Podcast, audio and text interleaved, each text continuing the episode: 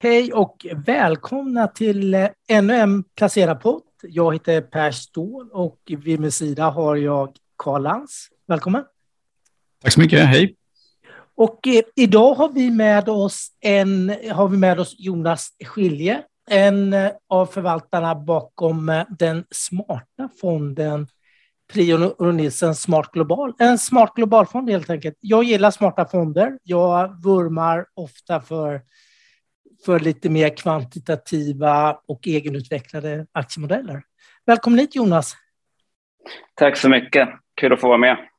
Hur, eh, vi är glada att få ha dig med i dessa turbulenta tider. Det är väldigt mycket brus på marknaden och mycket, mycket stök är det ju faktiskt. Jag har varit med under ganska många år och pratade nyligen med någon och sa, som också säger att det är sällan det har varit så här otroligt stökigt som det är just nu.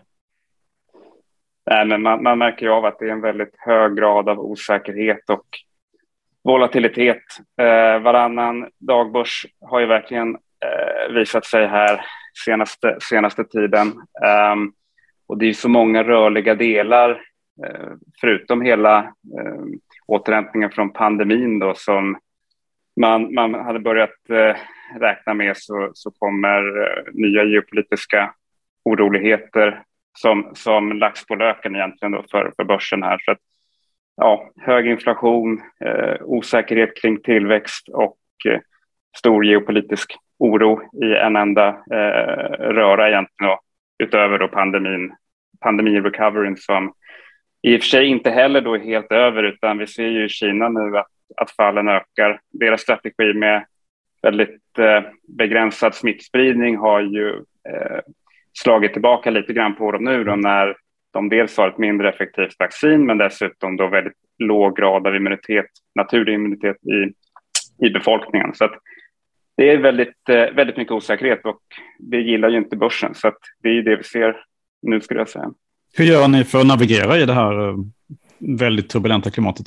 Har ni något, eh, har några speciella strategier nu som ni plockar fram eller är det, hur gör ni helt enkelt? Nej, man får ju försöka att, att, eh, att, eh, sålla i bruset och eh, vi fokuserar mycket på det fundamentala och de, de bolag vi, vi, vi följer bedömer vi hur de kommer att kunna hantera den här situationen och vad, vad de har för specifika risker. Vi investerar ju inte utifrån makroteman eller, eller, eller så. Då. Man kan väl säga att om vi kommer in på, på Smart Globalfonden, där, där gör vi ju egentligen väldigt lite. Eh, men den har ju också en struktur då som, som, eh, och ett aktieurval som är väldigt defensivt och som egentligen bygger på att man inte ska behöva göra särskilt många justeringar eh, över tid, egentligen i, i oavsett eh, omvärldsscenario och eh, utsikter. Utan det, det, om vi ska komma in på den, då, jag kan ju beskriva lite, lite kortfattat vad, vad, fonden, vad fonden gör. Då. Det är en, en, en uh, smart beta-fond. Då. Så vi, det vi gör är att vi, vi, vi har uh, tagit fram en, en uh, modell då som letar ut bolag med en hög, uh, säga en, lång, en lång historik av stigande aktieutdelningar eller höjda aktieutdelningar. Ehm, och det här är ju ett sätt att, att hitta bolag egentligen som har defensiva kvaliteter och som vi bedömer är väl rustade att eh, hantera egentligen eh, de flesta, de flesta, eh, de flesta scenarion, vilket gör att man kan ha en mer det tillåter en mer modellbaserad förvaltning där man helt enkelt använder en lång historik av höjda utdelningar som kan man säga en proxy då för för kvalitet och stabilitet. Eh, och det är ju såklart väldigt eh, eh tacksamt i den här miljön för att då, då behöver vi inte eh, hantera omvärlden så mycket som vi hade kunnat, eh, som vi gör i våra mer aktivt förvaltade fonder. Ja, men det förstår jag. Och jag, jag satt och tittade lite på avkastningskurvan. Eller, först ska jag bara dra ett annan, en liten anekdot faktiskt, som jag kom att tänka på igår. För jag, jag får ju så här från Morningstar notifieringar eh, när det blir förändringar i fonder, när de byter, lite, när de byter klass eller fondkategori. Eh, som inom mm. de stora fondkategorierna kan du ha en tillväxttilt, du kan ha en värdetilt eller en mix och, eller balanserad fond.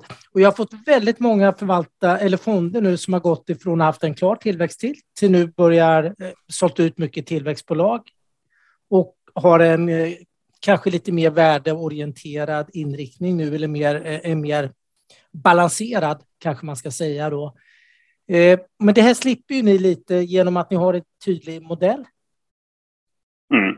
Eh, vilket måste vara ganska skönt kan jag känna mig. Och jag, jag, skulle ty jag tycker att det är ganska skönt som investerare också att veta att ni är lite vid er läst. Jag vet vad jag får liksom. Och sen kan jag värdera det själv kanske om jag tror att det är väldigt bra att vara defensiv nu eller om man ska vara mer aggressiv och så vidare. Då. Men eh, är det inte skönt att sitta som förvaltare ändå när det är lite så här extra turbulent? Och ni, ni gör era modell och tittar igenom vad ni kan göra där. Jo, men, jo, men precis. Um, så är det ju. Vi, vi, har ju redan valt en, en strategi egentligen. Och strategin är ju, och, och, det finns ju goda vetenskapliga belägg för det också, att, att uh, Eh, utdelningar på börsen är eh, någonting som, som skapar goda, goda totalavkastningar, särskilt på, på lång sikt. Um, och eh, då har ju vi, vi står ju fast vid den, vi ändrar inte den mitt i för att, för att marknadsförutsättningarna är, är annorlunda, utan vi, vi fortsätter med vår modell och eh, ehm, ja, det, det, är precis som du säger att våra kunder ska ju veta vad de får för någonting och eh, apropå tillväxt eller värde till så, så är ju det här nästan per definition en värde, värdetilt i en utdelningsportfölj. Då. Um, det, det, om, om, man tittar på hur portföljen är konstruerad utifrån sektorer till exempel så, så kan man se att vi är väldigt underviktade teknikaktier. Um, uh, också underviktade sällanköpsvaror. Det är mm. ganska, ganska låg grad av cyklikalitet i de innehav vi har. Det är mycket defensiva, uh, defensiva bolag. Um, vi har ju en hel del mer alltså konsumtionsinriktade bolag men, men då inte sällanköpsvaror utan mer eh, livsmedel. Ja. ja. precis. Och eh, eh, ja, det är helt klart defensivare än, än eh, ja, bil, bil, biltillverkare till exempel. Kan, kan, du nämna några aktier som eh, några är störst innehav? Ja, eh, vi, vi, har en ganska likaviktad portfölj skulle jag säga, så vi tar ju egentligen få enskilda bett på att, att vissa, vissa aktier ska gå bättre och så där, utan det, det, hur vi konstruerar portföljen är mer utifrån att vi vill ha en, vi vill ha en geografisk eh, exponering som, som är hyfsat jämförbar med, eh, med ett globalindex egentligen. Så att du får ett du ska få ett globalindex men med en utdelningstilt kan man säga. Um, men, men, men bland de mest eh, bland de största just nu då apropå defensiv, vi har ju Nestlé till exempel, den, den livsmedelsgiganten i, i Schweiz då. Um, um, den, den, eh, den, den, eh, har ju definitivt den här typen av defensiva kvaliteter då som, som eh, ja, väldigt ocykliskt eh, bolag, eh, väldigt stark marknadsposition globalt. Eh, eh men, men, men, eh, på den defensiva sidan har vi också livs, eller säga, läkemedelsbolag. Vi har Novo Nordisk till exempel, eh, diabetesgiganten i Danmark och sen har vi AbbVie då, eh, amerikanska biofarmabolaget. Eh, deras, deras eh, största framgång här i, i det här är en gammal spin-off från Abbott Laboratories mm. eh, och eh, även ifall AbbVie inte funnits eh, mer än drygt tio år då, så, så i, i Abbott-skalet eh, och innan, innan spin-offen då, så hade de en, en, en lång utbildningshistorik som de tagit med sig därifrån egentligen. Så både AbbVie och Abbott Laboratories i den i den bemärkelsen har höjt utdelningen i 50 år i sträck här. Eh, så de, de, har ju haft flera succéer eh, på vägen så att säga. Men det här är också, det är dels vårt största innehav i fonden, men det är dessutom en, en aktie som gått väldigt bra i år och den är upp över 15 procent eh, snittavkastningen de senaste tre åren, om vi räknar in utdelningar också, är eh, över 30 procent. Eh, på ett år är den faktiskt upp 55 procent. Eh, men, men och en, en, av, en av de starka bidragarna här har ju varit deras, eh, deras eh, eh läkemedel mot IBD, eller Crohns sjukdom, då, som eh, det är en väldigt vanlig förekommande sjukdom därför att man räknar med att ungefär över en procent av, av, eh, av jordens befolkning är drabbad av den här. Eh, det är en autoimmun sjukdom som, jag är ingen läkare, men, men jag har förstått det som att den, den drabbar eh, mag och tarmkanaler helt enkelt och, och, och bidrar till stort lidande. Men här har vi en av de ledande behandlingarna egentligen mot, mot den här sjukdomen. Så den, den, den säljer väldigt bra helt enkelt. Ehm, och som sagt, det är väldigt ocykliskt eh, och en bra, bra kvalitet. Tänkte, hur, hur stort får ett innehav bli i, i fonden? Du pratar om att ni är ganska lika viktade. Ni har en, en approach att ni inte bettar på någon, att någon ska gå bättre än den andra under något år. Eh, hur, hur hanterar ni vikt, vikterna bland de stora innehaven? Nej, men vi, vi, vi, vi vill inte att, att något enskilt innehav, det är en balansgång kan man säga, så vi vill inte att något enskilt innehav ska bli för stort eftersom eh, det, då, då, då, överskrider vi lite grann den här idén om den modellbaserade eh, förvaltningen. Vi vill ju, trots att vi är, vi är ju stockpickers i, i, i, i själen egentligen, då, så det är svårt att, att, eh, att, att um, hålla sig borta därifrån. Men vi, vi, vi vill ju ha en strikt eh, modellbaserad portfölj och där vi eh, helt enkelt inte försöka att lägga oss i vikterna allt för mycket, utan vi brukar vi vill komponera en portfölj som, som har ganska lika viktat inom varje geografisk region. Eh, USA är såklart en, eh, det är en väldigt stor eh, del av, av global index eh, och därmed också en stor vikt inom i, i smart global-portföljen. Eh, Så den står för nästan 70 procent av, av, eh, av värdet. Ehm, men, men där, inom där ska vi dessutom då hitta tillräckligt många bolag med eh, tillräckligt lång utdelningshistorik då för att kunna kvala in i, i alltså kriteriet vi har är att de ska ha höjt utdelningen minst 15 år i rad. Och eh, i vissa regioner är det svårt att hitta tillräckligt många sådana bolag eh, och eh, det blir ett pussel då hur man, hur man får ihop vikterna och den geografiska exponeringen på ett sätt eh, där, där vi också vill försöka hålla, hålla innehaven lika viktade. Men, men eh, så, så, vi har ingen, vi har ingen jätte, jättetake på, på alltså att Microsoft och eh, Abby är stora är ju framförallt drivet av att de har haft, eh, haft en god utveckling. I synnerhet Abby då är ju Eh, jag tror att den är, marginellt större än, Microsoft i, i, i, nuläget. Det är ju för att den har haft väldigt, en väldigt fin start det här året helt enkelt.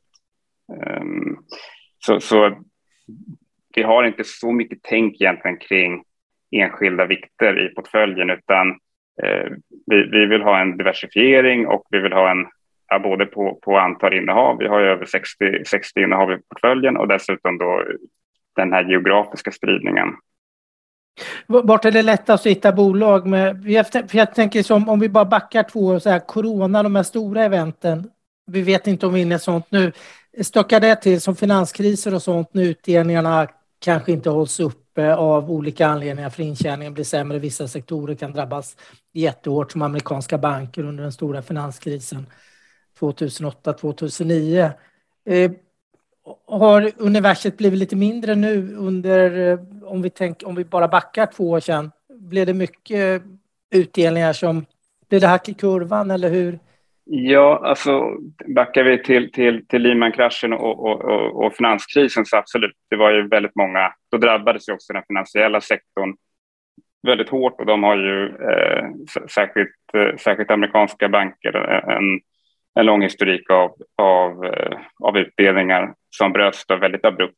Eh, nu under coronan, då har det ju varit en del, på en del håll eh, har ju regeringar och stater gått in och sagt att eh, bolagen får inte dela ut några pengar. Och, och, med lite olika argument som att om du också tar emot pandemistöd och så vidare så, så är det inte läge att, att dela ut pengar.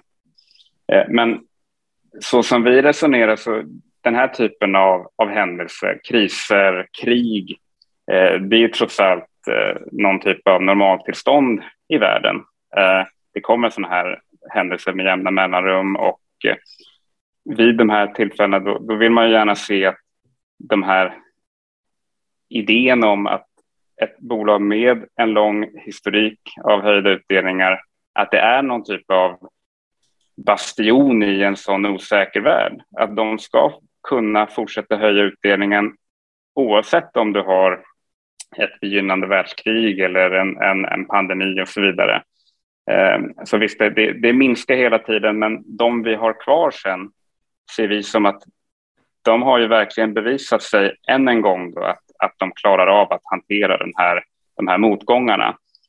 Eh, så, så, det är ju en, eh, det, det, är ett test för portföljen eh, varje gång något sånt här sker.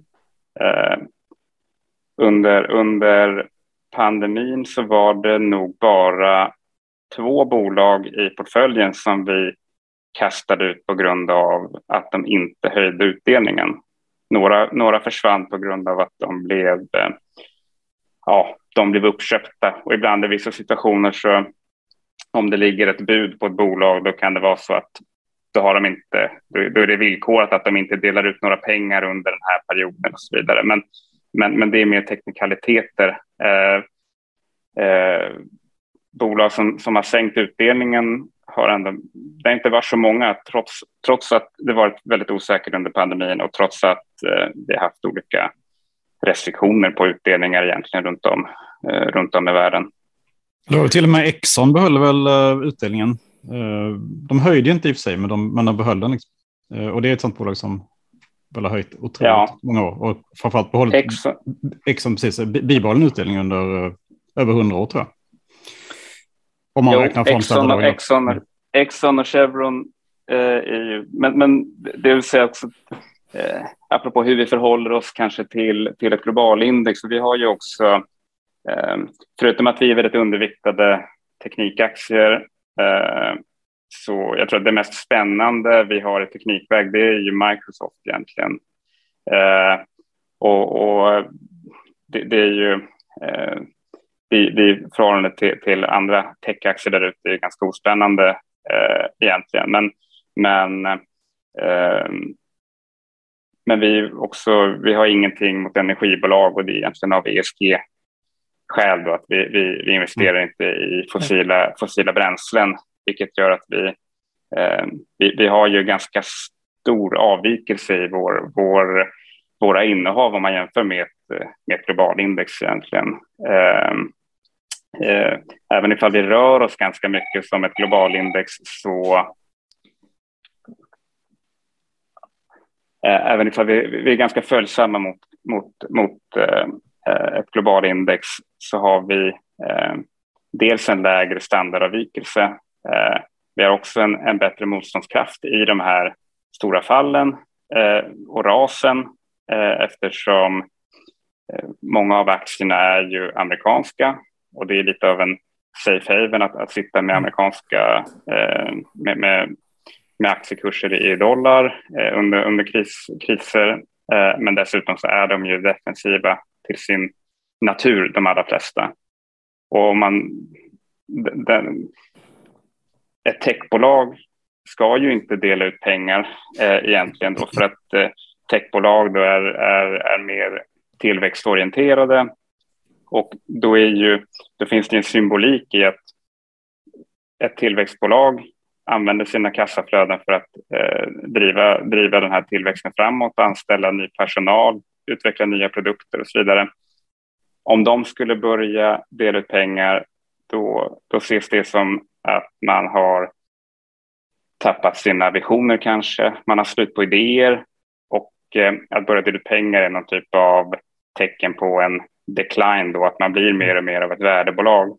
Eh, våra våra eh, innehav är ju, de är, de, är redan, de är redan väl inne i den, eh, i den värde, värdekategorin.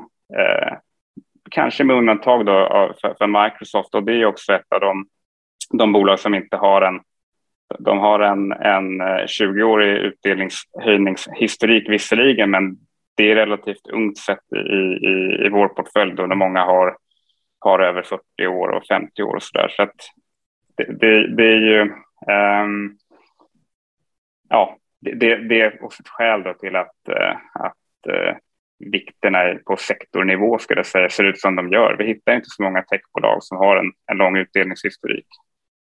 Jag, jag, jag slås av en annan sak bara för det, det, jag, jag, förstår mycket defensiva egenskaper för det, det är mycket marknadsledare vi hittar oh ja. av, bolagen ni har. De är marknadsledare på någon nisch eller så är de som Microsoft total marknadsledare inom det mesta inom teknik Eh, till Novo Nordisk som är liksom marknadsledare på insulinpreparat under vissa segment. Då.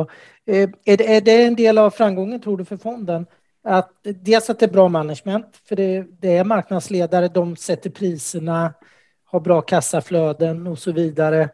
Eh, är det en av framgångsfaktorerna, tror du, när ni, att ni har lyckats hitta just marknadsledare som Nestlé, Microsoft, Abwee? Ja, det är väl lite en fråga om vad som är, vad som är hönan och ägget här. Alltså, många av, många av bolagen är ju eh, återigen med undantaget för Microsoft som jag tror det grundades på, på 70-talet någon gång, men, men många av de här bolagen är ju, är ju hundraåringar eh, och eh, för att kunna överleva som bolag under så lång tid och dessutom då eh, ha så pass bra finanser att man, att man klarar av att höja utdelningen år efter år då får du ju en survival bias egentligen. De, de, vi, de bolag som vi lyckas screena fram med den här fina historiken, de är, de är eh, oftast marknadsledande eh, och, och, har, har en väldigt stark position. De har förmåga att, att höja priser och liknande, vilket ja, annars skulle de inte vara där de är. Så att, eh, det här är ju ett sätt att hitta de här bolagen egentligen eh, genom att titta på utdelningshistoriken. Eh, det, det, det ehm, man, man, skulle kunna komma åt dem åt andra hållet också, att man kollar vilka bolag som har en stark marknadsandel eh, på, på, en, på, en, global marknad och sen eh, så, så, i vissa fall så har de också en, en lång utdelningshistorik. Eh, men vi ser det som att de har bevisat sin position genom att kunna bibehålla den här höjda utdelningstrenden under så pass lång tid som över 15 år då, som är vårt, eh, vårt tröskelvärde. Man ska säga att de, de allra flesta har ju, har ju långt längre utdelningshöjningshistorik än så. Eh, så, så det, det, här ser vi som ett sätt att komma åt dem, eh, de, de bästa globala bolagen egentligen. Ehm, som sagt, det är inte de som kanske har högst, eh, högst tillväxt. Eh, eh, det förväntar vi oss inte, men eh, på, på riktigt lång sikt då så har ju faktiskt eh, återinvesterade utdelningar varit eh, mer värdeskapande än, än, än vinsttillväxter. Förr eller senare så, så ser vi det som att då kommer ju bra bolag att hamna här där de inte de har så bra produkter att de tjänar massor av pengar, men de har så pass stark ställning och eh, så stor marknadsandel att de kan inte växa så mycket mer. De kan inte bli större. Marknaden är bara så här stor och då kommer de börja dela ut pengar. Det är ju hela poängen med att starta ett, ett, ett, eh, ett bolag från första början. Det är ju att pengarna ska delas ut någon gång till, till, till ägarna helt enkelt. Um, och, och, ja, det är det, det är det segmentet av marknaden där vi investerar i Smart Global helt enkelt. Hur är det med, eh, alltså några av de bolagen som har allra längst utdelningshistorik är ju de så kallade vattenbolagen i USA. Är det någonting ni investerar i här eller är det för, för smått liksom? Eller hur ser ni på det? De, de har faktiskt inte dykt upp. Eh, de, vi, vi, har ju, vi har ju en del amerikanska bolag med väldigt lång historik, eh, dock inga av vattenbolagen. Eh, eh vi, vi, vill ju gärna att bolagen ska vara eh, tillräckligt stora och att det ska finnas en vettig likviditet i dem så att vi, vi, eh, vi enkelt kan, kan, kan köpa in oss och handla i dem. Och då är det såklart vissa, vissa bolag man missar i, i, i det här som trots allt kan ha en väldigt lång, lång historik. Ehm, jag tror att Dover Corporation är, är det bolag i portföljen som har absolut längst historik och det är också ganska litet. Ehm, det är 22 miljarder dollar, det, det, det, det låter inte så mm. litet för, för, för Stockholmsbörsen men, men, men eh, jämför man med Novo Nordisk eller Microsoft och de här så Nestlé då är, då är det ju ett, eh, då är det ett relativt litet, eh, litet bolag eh, som kanske inte så många känner till, men de, de har höjt utdelningen i 66 år i rad. Eh, eh, ja, och det, ja, det är lite industri, litet och litet säger jag här, men, men det, är, det är ett industribolag helt enkelt som, som håller på med, med kullager och hissar och pumpar och såna här saker. Eh, de tjänar jättemycket pengar, eh, liksom många andra i USA då på, på Eh, att sälja utrustning till oljeindustrin eh, tidigt. Eh, men, men nu är det ju ett full, fullskaligt konglomerat skulle jag säga. Och ja, de är, de är, de är lönsamma också. Det, det är inte Atlas Copco-marginalen, men jag tror att de har en bruttomarginal på kanske en 35, 35 procent och kanske gör 15-16 procent ebit. Så det är ett fint bolag kanske växer 4-5 procent om året och, och, och, höjer utdelningen så här. Det, eh, det blir en ganska fin avkastning eh, på, på, på sikt eh, om man eh, kan hålla i det och de kan fortsätta ha den här tillväxttrenden kombinerat med höjda utdelningar. Så att... Eh, eh, jag, jag tänkte bara Eh, du pratar ju om modellen och hitta de här bolagen. Jag tänker Sverige är ju ganska underrepresenterat. Det är ju faktiskt eh, undervikt om man tittar på ett globalindex. Ni har 0,23 procent i den rapporten jag tittar på. I svenska Jo, bolag. men det stämmer. Det stämmer. Och, och, eh, om vi tittar på liknande börser då som är i samma härad, det är Danmark, det, det är betydligt större vikt. Och Schweiz, ja visst den är kanske dubbelt så stor som Sverige egentligen då, fast Eh, landet är lika stort och hur man ska mäta, vilka mått man tar. Men eh, både Schweiz och Danmark är ju tydliga, en tydlig övervikt. Eh, mm. liksom, finns det inte den här typen av bolag på samma sätt på Stockholmsbörsen?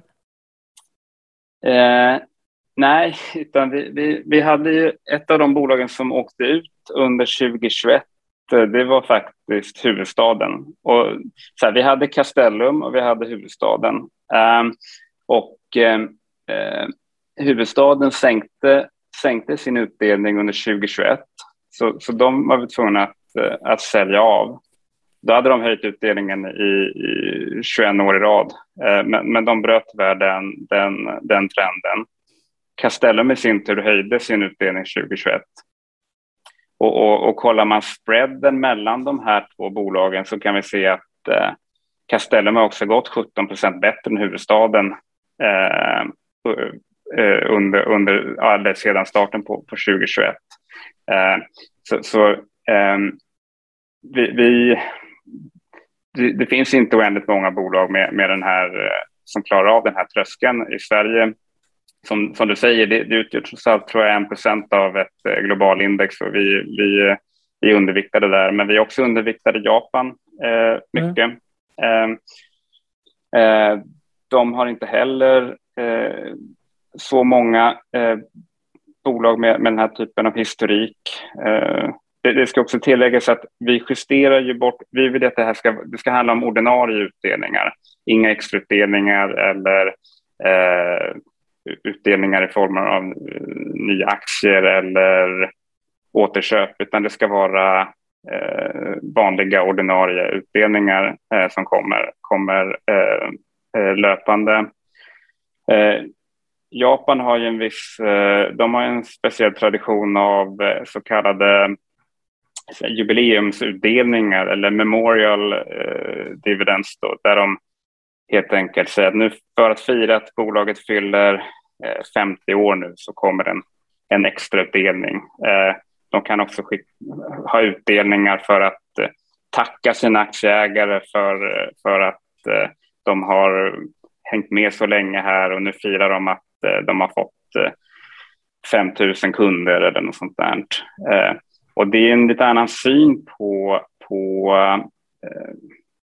kapitalmarknaden och, och aktieägarvänlighet. Alltså vi, höjda utdelningar är ju aktieägarvänligt och det är någonting som man, man verkligen, verkligen tycker om. Men vi tycker att i Japan så har man inte riktigt, även om man, en del bolag har höjda utdelningar och man delar ut pengar så, så ser vi inte riktigt samma kvalitet i allokeringsbeslut och sånt. Om det är så att bolaget sitter på pengar och sen skickar de en, en utdelning till aktieägarna som tack för att de är aktieägare. Och sånt där. Det är lite en annan ton skulle jag säga än att eh, um, du höjer utdelningar för att eh, det går bra, eh, för att affärerna går bra och eh, du har en, eh, ett starkt kassaflöde och en stark position.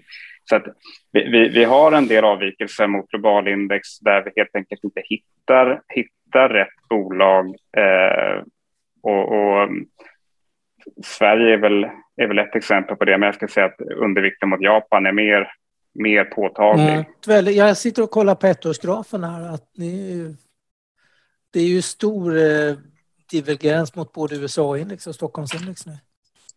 Ni har ju spreadat ifrån rejält sedan i november.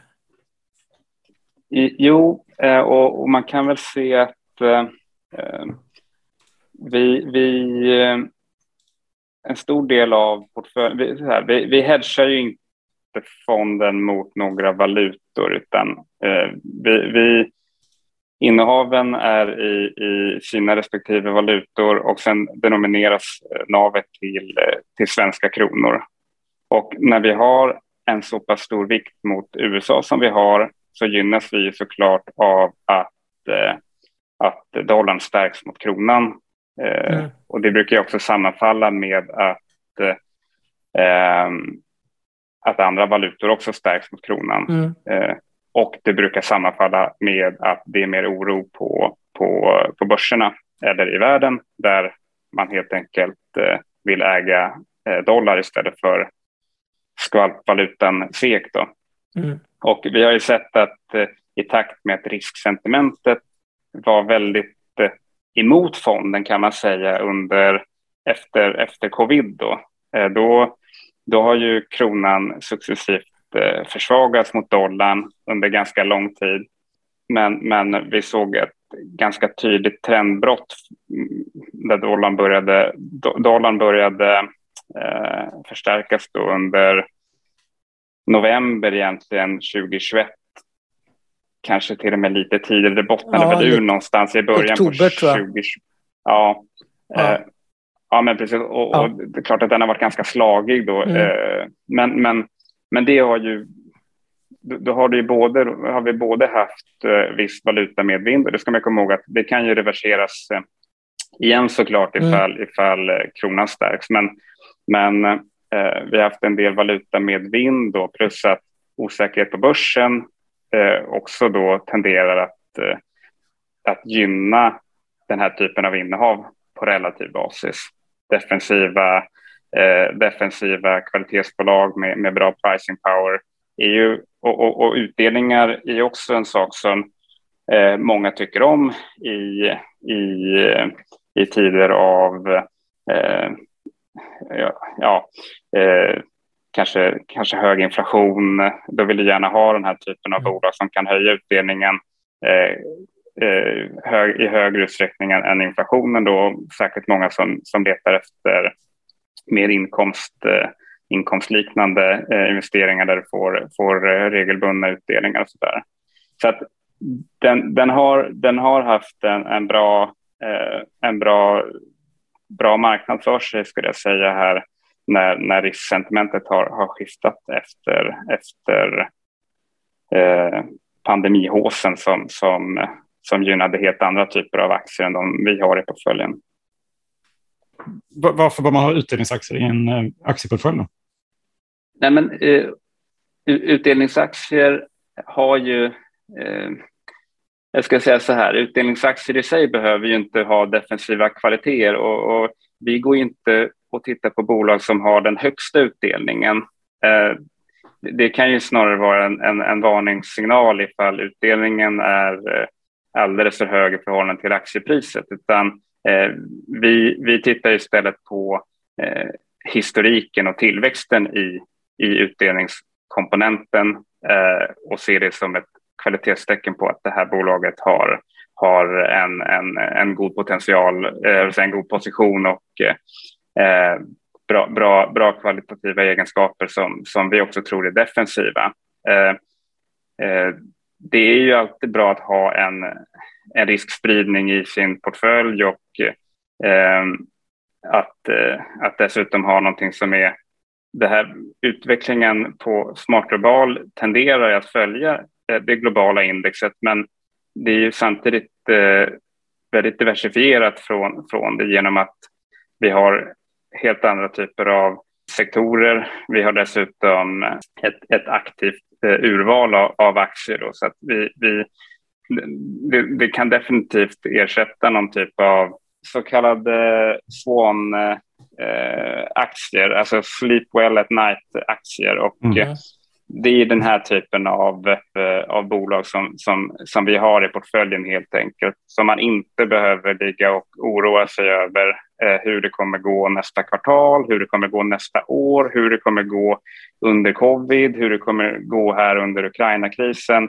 Utan tanken är att du ska, kunna, du ska kunna sova gott om natten med den här typen av aktier. Mm. Du behöver inte följa upp varje rapport, utan de här, de här bör och ska klara sig eh, bra i princip i alla marknadsklimat eh, och fortsätta höja utdelningen då så att du eh, alltid har någon typ av du har alltid någon typ av eh, avkastning även ifall kursen fluktuerar mer än vad eh, intjäningen gör i, i bolaget. Det är en form av evighetsaktie då kan man säga. Ja, även om evigheten är en, en svår, svår eh, enhet Definition att, kanske. att mäta. Mm. Ja, men, men, men absolut. I brist på, på evighetsaktier så tror jag att det här är bra, bra eh, mm. så nära man kommer kanske. Så nära man kommer evigheten på aktiemarknaden? Ja, ja lite så. Lite så. Vad bra. Du, jag har bara en avslutande fråga. Eh, lite mot Microsoft, att ni inte har så mycket tech. Tror du att tech kommer att bli större när, om, eh, när du, Apple, när de är ändå, vad ska man säga, mogen tech som man ändå kanske, det, det finns Apple, eh, du har Alphabet och det blir ganska mogna bolag nu om man jämför. Allt är ju relativt. Men, men tror du att du kommer att få in mer teknikbolag på sikt? Um, ja, det tror jag ju. Förutsatt att jag tar Apple till exempel har ju enormt stor potential att, att dela ut Eh, pengar. Nu tror jag inte att man har velat göra det i, i den eh, utsträckning man har haft eh, möjligheten till det för att eh, den skulle tappa den här visionära bilden av bolaget och att en utdelning skulle bli en symbol för någon typ av eh, tapp på, på, man har haft den här eh, väldigt innovativa auran då länge och, och eh, men, men, både tror jag att, eh, att eh, stabila techbolag kommer ha möjlighet att Eh, eh, bibehålla sin position. Apple har ju varit, eh, lyckats väl med att lansera nya produkter och eh, ha en relevans på marknaden. Eh, jag tror att de kommer kunna fortsätta eh, ha en sån roll och på sikt då bli mer ja, mogen tech likt, likt Microsoft. Men, men en intressant sak är väl också att mogen tech ger sig in i nya riktningar också. Microsoft har ju inte stannat med, med Windows utan eh, man har ju förvärvat eh, en hel del eh, spelbolag till exempel. Eh, de, de, de, köpte ju upp Mojang och, eh, och, och, och, King via, via Activision Blizzard här senast nu i, i, eh, i år.